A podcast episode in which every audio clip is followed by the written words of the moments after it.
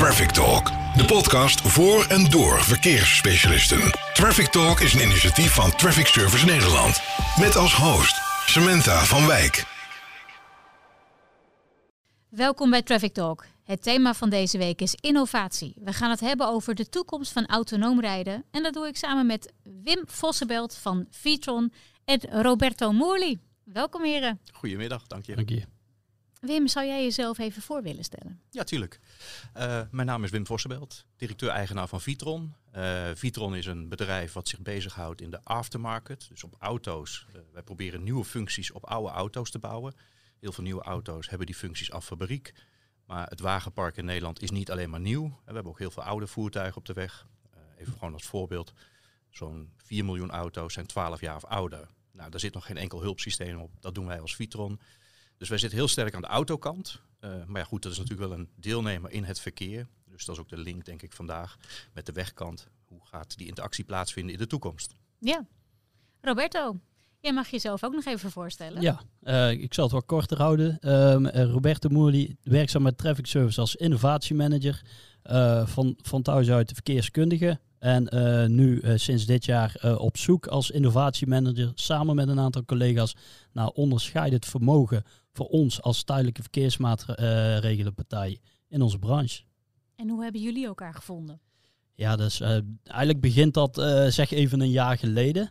we zijn begin vorig jaar zijn we, hebben we een kantoor uh, op uh, de Automotive Campus in Helmond. Uh, de gedachte daarachter is het feit dat wij natuurlijk heel veel raakvlakken hebben met de automotive. We zetten natuurlijk van alles op de weg en dat beïnvloedt altijd het voertuig en de weggebruiker.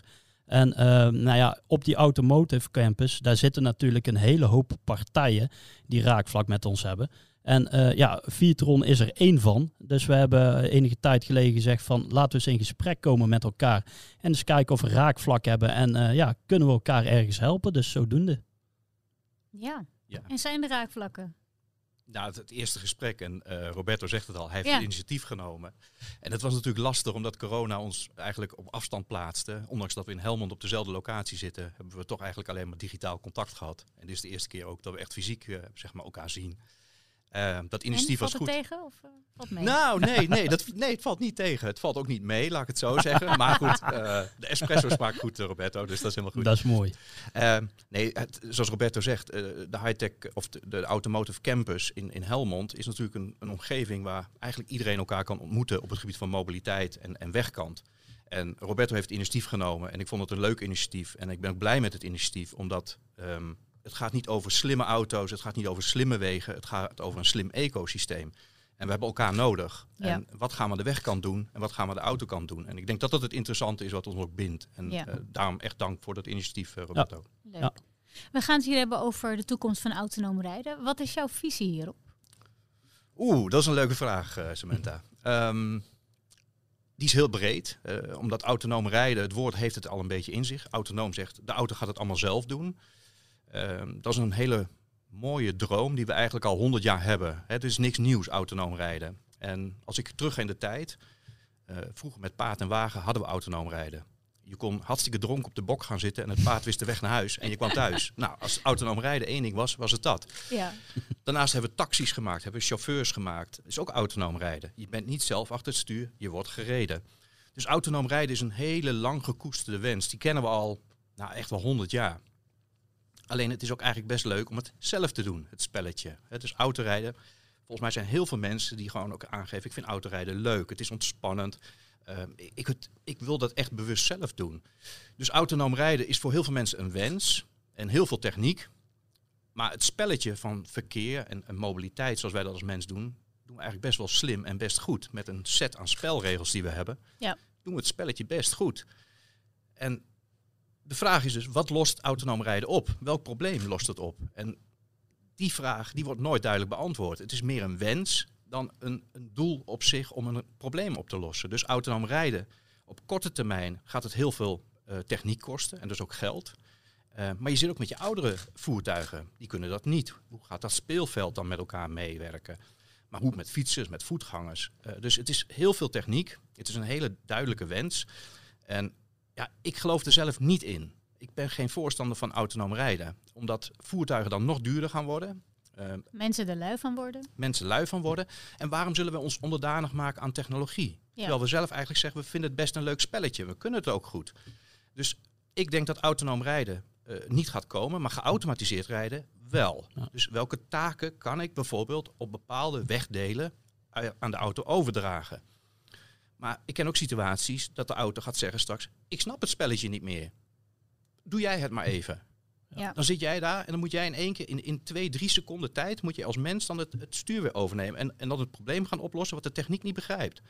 Nou, daar geloof ik echt niet in. Dat is geen toegevoegde waarde. Dus geautomatiseerd rijden, taakgestuurd, ja, daar geloof ik in. Autonoom rijden, op hele lange termijn, ja, zal er wel iets komen. Maar de wens Maar niet. niet volledig. volledig. Nou ja, eh, wat Wim zegt, eh, daar hebben we, het, eh, ja, we hebben het laatst in een call ook over gehad. En ik deel die mening over dat autonoom rijden. Ik geloof ook echt in hulpsystemen. En met name ook om, om ja, er gaat een moment komen dat je als weggebruiker het stuur weer over moet nemen. En als je dan niet over het juiste vakmanschap bezit, hè, stuurmanschap eigenlijk, als je dat niet hebt, ja, dan heb je een nieuwe uitdaging. Dan creëer je eigenlijk een nieuw probleem. Dus uitgangspositie moet zijn dat jij zelf gewoon jezelf veilig eh, en goed moet kunnen voortbewegen binnen het verkeer. En een, een hulpsysteem gaat je daarbij helpen. Wat betekent autonoom rijden bij jullie, bij Traffic Service Nederland? Eh, nou ja, wat ik in het begin al zei, we hebben natuurlijk best wel wat invloed op alles wat er op de weg eh, gebeurt. De weggebruiker en met name ook het voertuig. Denk alleen aan, aan onze pijlwagens hè, die we op de weg zetten wanneer we een rijstrook afsluiten. Ehm, nou, we zijn samen met Vitron aan het kijken of we een pilot kunnen doen waarin we eh, techniek gaan testen, eh Wi-Fi P, waarbij het, eh, de pijlwagen communiceert met het voertuig en eigenlijk een soort van waarschuwt van let op, ik sta hier, er wordt nu iets van jou verwacht als eh, weggebruiker. Dat willen we gaan testen. Eh, we moeten ons dus vooral van dat soort zaken heel erg bewust zijn. Hè, wat gaat dat voor ons betekenen als tijdelijk verkeersmaatregelenpartij? Maar ook ehm, zaken als snelheidsverlagingen en dergelijke die wij op de weg zetten. Denk weer aan zo'n rijhulpsysteem als eh, ISA, eh intelligente snelheidsassistentie. Ehm, ja, daar kunnen wij indirect, direct hebben wij daar ook een bijdrage aan. Want als een voertuig gaat op basis van een camera, kan een verkeersbord herkennen. Dat kan een bord van ons zijn. Maar die data, eh, om die te verifiëren, heb je misschien ook alweer een digitale deken nodig. De digital twin. En daar, daar kunnen wij ook weer een bijdrage in hebben door die data te gaan ontsluiten uiteindelijk met partijen zoals Vitron, hè, de automotive. En eh, ja, om dan toch nog even terug te komen op die situatie waarbij je als weggebruiker ineens wat moet doen. Wij plaatsen natuurlijk ook geregeld verkeersregelaars op de weg. Nou ja, Wim heeft mij verteld dat een autonoom systeem heel moeilijk overweg kan met eh, mensen op de weg, verkeersregelaars. Dus ja, Hij zal het als een voetganger zien. En Ja. wat moet hij bij een voetganger doen? Dat is gewoon stoppen en een noodrem maken. Terwijl dat misschien niet de tekens zijn die de, de verkeersregelaar geeft. Dus hij vindt het heel moeilijk om die, die, die opvolging te doen van die tekens die hij krijgt. Dat deden we vroeger eigenlijk standaard. We hadden we altijd verkeersregelaars. Na die tijd kwamen de verkeersregelinstallaties. Die snappen we dan wat beter als techniek. Maar als daar in één keer weer een mens op de weg gaat staan met armgebaren, dan zal die auto denken van ja, dat is een voetganger, eh, ik moet stoppen. Ja. Terwijl die misschien wel zegt van je moet gewoon rustig doorrijden. En dat soort tekens, dat, dat zal hij ook niet meteen begrijpen. En wat je denk ik net aangeeft, dat is het belangrijkste punt. De validatie. Ja. Die, die auto, dat autonoom, dat heeft het al in zich. Die, die sensoren, die camera's in die auto, die gaan de, de omgeving scannen. En dat doen ze goed. Hè. Die, die sensoren zijn 100%. Ja, Maar wat ze zien, is dat ook de waarheid? En het voorbeeld wat ik dan altijd hanteer, met, jij noemt net ISA, Intelligent Speed Assistance. Ehm, als je door een woonwijk rijdt en er is iemand 50 jaar geworden en er staat een verkeersbord met 50 in de tuin. Het is in een woonwijk waar je maar stapvoets mag rijden. En die auto scant dat bord. Die zegt, ik heb een verkeersbord gezien met 50. Maar je mag er geen 50. ja. Dus hoe Ja. ga je die validatie doen? Waar zit de waarheid? De ground truth. Hè, dus Ja. die ground truth, dat heeft een auto standaard niet. Dat hebben wij als mens wel. Want wij zeggen, ja, er was een, iemand 50 geworden. Er stond ook een pop bij. Wij snappen dat. De context kunnen wij begrijpen. Maar dat systeem zal zeggen, nee, dat is gewoon een verkeerssituatie. En er stond 50. Of borden, eh, stickers op, op eh, de, de kliko's. Wanneer die op dinsdag of woensdag geledigd worden. Daar plakken heel veel mensen ook stickers op. Ja.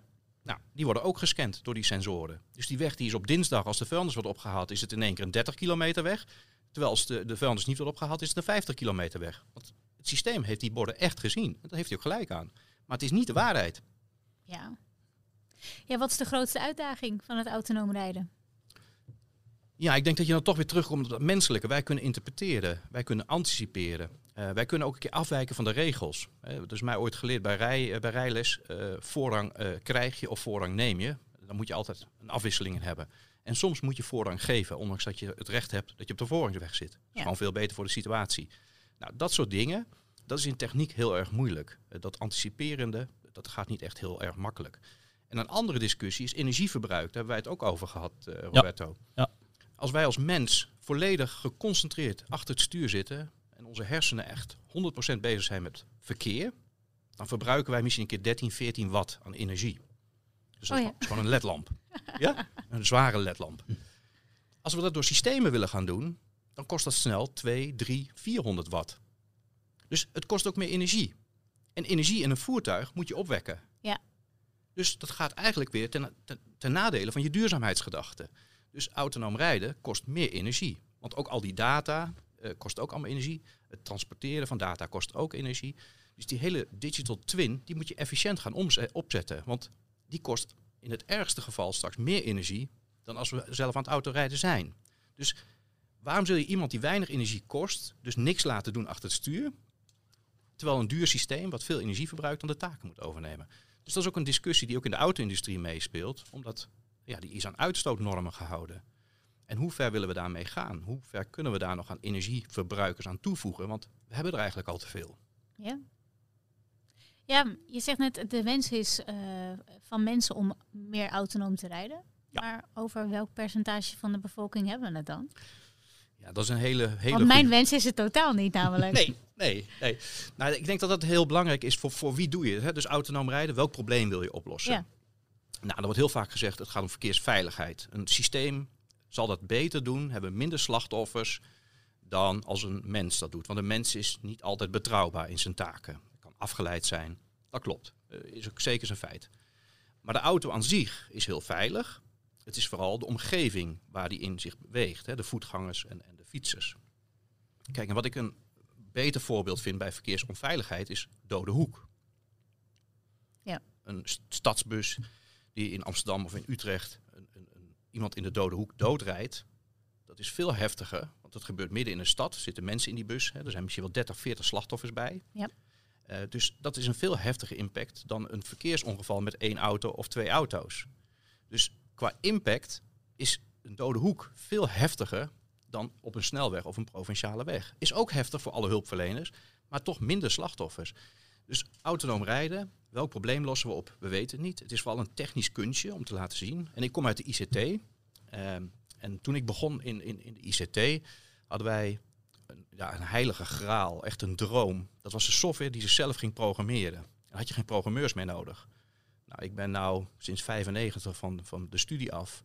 En er zijn nog nooit zoveel mensen aan het programmeren geweest als vandaag de dag. Dus het omgekeerde is gerealiseerd. Er zijn steeds meer mensen nodig om software te maken. Dus ik denk dat het een heilige graal is die, die, die we nastreven.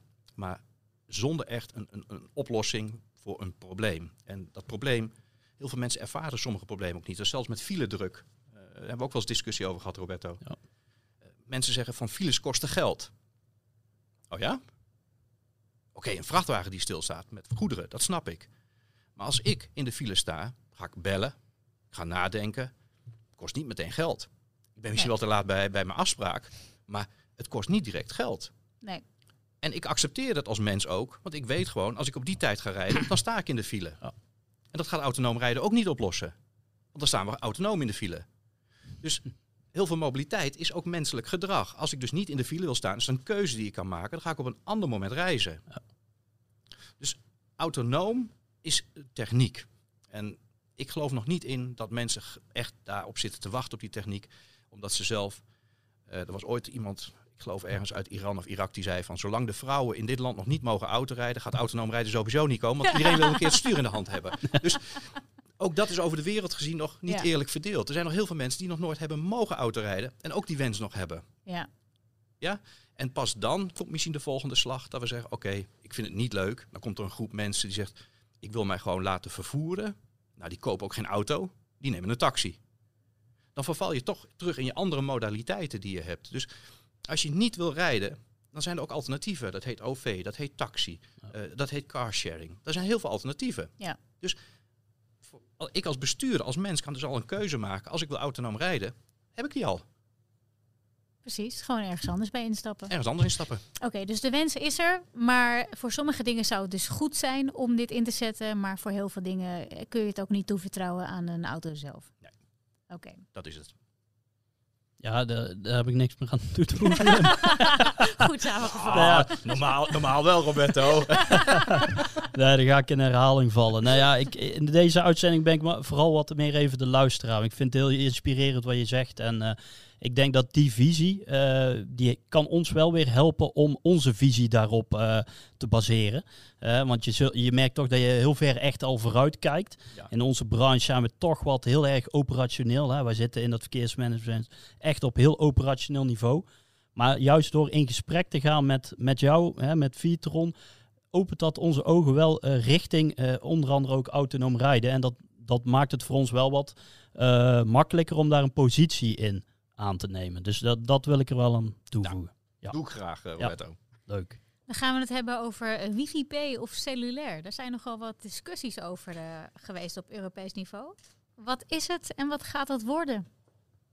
Ja, dat is een hele mooie vraag. Het gaat natuurlijk meteen om techniek dan. Hè. Dus wifi-p is een technologie, cellulair is ook een technologie. Dus 3, 4, 5G, het, het, het mobiele telecommunicatienetwerk. Ik zou het niet over de techniek als discussie willen hebben. Ik zou hem willen terugbrengen op, tot op de essentie. Het is een short-range communicatie of een long-range communicatie. Ja. En ehm, of dat nou wifi-p is of binnen 5G kennen we ook C-V2X. Dat is ook een short-range toepassing, zit in het 5G-spectrum. Dus voor mij is het niet een discussie over de technologie, maar over de toepassing. En ik denk dat je short range, eh, als je gaat kijken naar de, de- als je deelneemt aan het verkeer, heb je heel veel statische data en je hebt Ja. ook heel veel dynamische data. En dynamische data is heel erg locatiegebonden. Bijvoorbeeld bij een verkeerslicht. Dus jij wil de signalen van het verkeerslicht in je auto brengen. Die auto staat op die kruising, dat verkeerslicht staat ook op die kruising. Dat staat in een bereik van 800 meter. Moet ik dan die data van het verkeerslicht eerst over de hele wereld gaan sturen, om vervolgens weer terug te laten komen in die auto die op dezelfde plek staat? Dat kost heel veel energie. Ja. Eh, en heel veel data is maar een tiende van een seconde geldig. Want elke tiende van een seconde verandert de situatie op de kruising. Dus ik ben eigenlijk digitaal afval aan het produceren. Dat ga ik de hele wereld rond voor, eh, gooien. En dan komt het in de auto en dan zegt de auto... sorry, het is niet meer geldig, want ik heb al een ander bericht gekregen. nou, dat lijkt een beetje op een, een cryptocurrency. Eh, dus je, je produceert heel veel digitaal afval en dus ook heel veel energie gaat daarmee verloren. Dus ik denk dat je moet gaan opdelen in statische data die dus niet veel verandert. Hè, bijvoorbeeld de verkeersborden, de lantaarnpalen, de wegbeleiding, eh, het aantal wegvakken. Dat soort dingen. Dat is statisch, dat verandert niet per minuut, niet per seconde. Die kun je heel goed via long range communicatie doen. Dat krijgt ook iedereen. Maar short range, hetzelfde geldt ook voor die data. Stel hier een, verkeer- een verkeerslicht in, in Os. Die data gaat de hele wereld over. Maar als ik in Helmond sta, heb ik er niks aan. Dus voor wie doe ik dat? Dat doe ik alleen voor die mensen die hier op die kruising in Os staan. Ja. Waarom moet ik dan de hele wereld eh, gaan lastigvallen met al die data? Dus die discussie moet volgens mij teruggebracht worden tot een essentie. Dat je gaat zeggen, wanneer is nou de beste technologie van toepassing? Nou, en die discussie wordt nog niet echt gevoerd. En binnen Europa hebben we die discussie wel. En ik denk dat we ook een beetje verwend zijn hier in Nederland. Hè? Roberto, corrigeer mij als ik het fout zeg. Maar we hebben het hier eigenlijk ook wel heel goed voor elkaar. Ja, met ons dekking natuurlijk van het cellulaire netwerk. Juist. Ja. We hebben het overal. Maar reis door Frankrijk of reis door Duitsland of Italië en ben daar eens op het platteland, dan kan het zomaar zijn dat je in één keer geen dataverbinding hebt. Net een spraakverbinding, maar data is er niet. Mobiele data wordt uit, is, is gewoon niet aanwezig. Ja. Omdat in de wet is ook vastgelegd, mobiele data moet bevolkingsdekkend zijn. Dus dat staat op stedelijk gebied. Landelijk gebied, landelijk moet je een spraakverbinding kunnen ondersteunen. Dat staat ook in de, eh, in de wet. Dus je ziet de providers dus kiezen, daar waar grotere bevolkingsdichtheid is, daar zullen ze ook mobiele datanetwerken goed neerzetten. Nou hebben wij als Nederland hebben wij niet echt een scheiding tussen dun bevolkt, dicht bevolkt. Het is redelijk, nou ja, goed, met één groot Central Park in het midden van Nederland ongeveer, hebben we Nederland wel als een stad neergezet. Dus die bevolkingsdichtheid zitten wij heel hoog. En wij hebben dus overal landelijke dekking. Maar als je dus straks in Frankrijk, Italië, Duitsland, of misschien Tsjechië of Slovenië, ergens rijdt en je hebt in één keer geen mobiele data. En je krijgt dus die actuele data dan ook niet. Ja, wat heb je dan van dienst? Dus het punt is, in de auto-industrie loopt die discussie ook. Uh, de, de, de, de, netwerken van de telecomproviders die worden snel vervangen. We praten nu al over 5G. De, de ontwikkelingstechnologieën, of de, de, ontwikkelingstijd van technologieën, die hebben een, een, hele aparte dynamische eigenschap. Als je kijkt naar een auto, een auto wordt gebouwd voor 20 jaar gebruik. Dus een auto heeft een ontwikkelperiode, 4 tot 7 jaar. Dan gaat hij in productie en dan loopt hij een jaartje of zeven in productie. Maar daarna blijft hij wel 20 jaar onder ons. Dus een auto is heel duurzaam op dat punt. Die gaat lang mee. Ja. Als je kijkt naar je mobiele telefoon, die vervang je elke twee jaar met een nieuw contract. En na vijf, zes, zeven jaar komt er weer een nieuwe technologie. Dus je ziet ook dat die verschillen. Je kunt niet zeggen, ik ga een auto bouwen met nu een 3G-verbinding erin. En over vier jaar is 3G afgesloten, want dan zeggen de, tel telecomoperators, we doen geen 3G meer. Dan zijn al die auto's in één keer dus uh, eigenlijk monddood gemaakt. Die hebben geen communicatie meer. Ja. Dus die ontwikkelingen van die technologieën, die zijn heel verschillend. Dus wat je wilt voor verkeerskritische situaties, hè, ook waar Roberto hier met, met, met, met Traffic Service Nederland natuurlijk op stuurt, is dat je ook technologie wilt inzetten die duurzaam is, waar je ook straks alle voertuigen mee kunt ondersteunen. En niet alleen de voertuigen die de nieuwste technologieën hebben. Je wil alle voertuigen. Dus je zoekt eigenlijk naar een oplossing, naast de discussie over de short range, long range, zoek je ook naar een communicatieoplossing die houdbaar is. En waar niet straks streaming video overheen gaat. Hè, want dat hebben we natuurlijk ook gedaan. Bij, bij het mobiele netwerk kunnen we tegenwoordig Netflix over 4 en 5G doen. Dat is allemaal hartstikke mooi. Maar je moet eigenlijk een netwerk bouwen wat alleen maar gericht is op die essentiële data. Ja. En dan moet je hem niet gaan belasten met, met streamingdiensten. En dat is een discussie die loopt in Europa ook. Hè, de autofabrikanten in Frankrijk, in, in Duitsland, uh, maar ook in Japan en Amerika heb je het ook. Die zijn natuurlijk wel aan het zoeken want in de wet in Europa hebben wij de General Safety eh, Regulations, dat is een nieuwe regelgeving. En daar staat in dat een auto moet reageren op infrastructuursignalen. Daar staat dus niet bij welke technologie je moet gebruiken. Maar er moet nu wel een discussie gaan plaatsvinden. Wat zijn dan die infrastructuursignalen? Waar moet straks de wegkant, waar moeten partijen als hier Traffic Service Nederland aan gaan voldoen? Welke technologie moet zij inzetten? De auto-industrie maakt keuzes, maar de wegkant moet ook keuzes gaan maken. Ja. en dat is eigenlijk de discussie over die short range en long range. En of dat nou VVP is of CV2X of 5G, ik maak mij daar echt niet druk om. Uh, dat zijn andere partijen die het gaan beslissen. En wie gaan de grote aantallen straks pushen? Dat zijn dan denk ik dan toch de OEM's, de autofabrikanten en de truckfabrikanten, die met grote aantallen zeggen van dit wordt de technologie en wij pakken hem wel en dan moet je mee. Dus ik denk dat het goed is om elkaar daar op te zoeken en nu al te kijken van er komen nu al auto's met VVP op de markt. Hè? Dus Volkswagen, Ford, Skoda, brengen nu al auto's op de markt. Hier in Nederland zijn er nu 40.000 auto's toegelaten vorig jaar met deze technologie. Standaard af fabriek. Ja. Maar we doen er nog niks mee. Nee. En dat is eigenlijk ook raar, want er zijn wel mensen die daar dus in investeren. Want die kopen een nieuwe auto, die hebben die nieuwe technologie.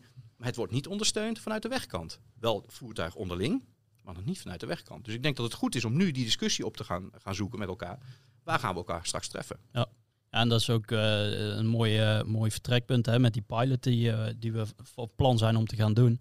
En nou ja, als je kijkt naar ons bedrijf, hè, we verkopen veiligheid.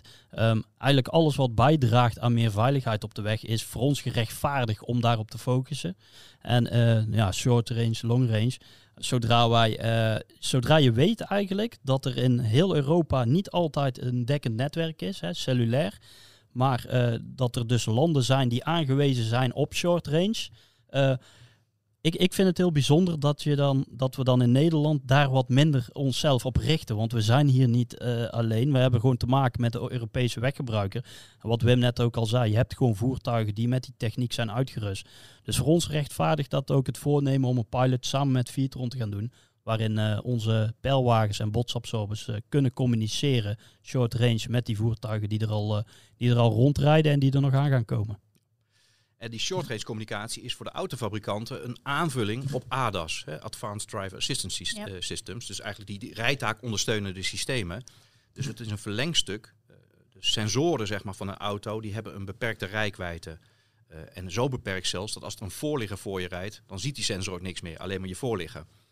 En je wil eigenlijk om die vrachtwagen heen kunnen kijken. En daar gebruiken zij dan weer short-range communicatie voor. Dus dat je eigenlijk een soort virtuele horizon in het voertuig krijgt, zonder dat je het echt kunt zien. Dus je krijgt al data, 400, 500 meter voor je uit, krijg je al in het voertuig. Daar gaat jouw voertuig op reageren. Ja.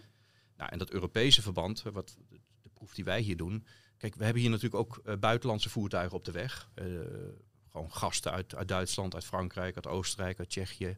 Die rijden ook met die auto's. En als in hun eigen land die ondersteuning er wel is en hier niet, dan mag je wel een heel groot bord bij de grens gaan neerzetten van let Ja. op, wij, onder, wij doen niks in Nederland, zoekt u het lekker zelf uit. Ja. Ja. dus ik denk dat je dat juist in die Europese harmonie moet gaan doen. Dat mensen ook als consument weten, wat kan ik verwachten als ik in zo'n land ben. Ja. En niet dat ik een verrassing krijg achteraf en zeg van ja, dat doet Nederland niet. Ja, dat is een beetje vreemd. En ik denk ook niet dat het in Nederland zo Nou, is. hier ligt een mooie uitdaging voor jullie. Nou, dat, Ja, is, toch? dat is eigenlijk de opzet. Oké, Wim. Dan gaan we naar eh, jouw drie concrete tips op het gebied van innovatie in de mobiliteitsbranche. Heb je die? Ja, de eerste, dat is eigenlijk de afsluiter van zo net. Eh, sluit aan bij Europese initiatieven. Hè, dus gebruik technologie die in Europa ook geaccepteerd wordt. Dus niet alleen voor Nederland van toepassing is, maar voor Europa. We hebben geen auto-industrie in Nederland, dus we moeten vooral naar de buiten, het buitenland kijken. Want die auto's komen uit het buitenland. Ja. Dus wij kunnen wel zeggen wat wij willen. Maar als die producten anders gemaakt worden, dan zitten we niet op dezelfde golflengte. Dus volgens mij is dat belangrijk. Ja. Zorg voor tactisch overleg. Wat wij hier eigenlijk ook doen. Zo- Zoek elkaar op, wegkant en voertuigen. We moeten allebei intelligent worden. Slimme auto's op een domme weg gaat niet werken. En een slimme weg met domme auto's gaat ook niet werken. Dus we moeten ergens middenin elkaar zien te vinden. Dat overleg dat moet opgestart worden. Ook vanuit wegbeheerders. En wegbeheerders als Rijkswaterstaat, die kunnen dat nog redelijk. Maar kijk ook naar hele kleine wegbeheerders, kleine dorpjes.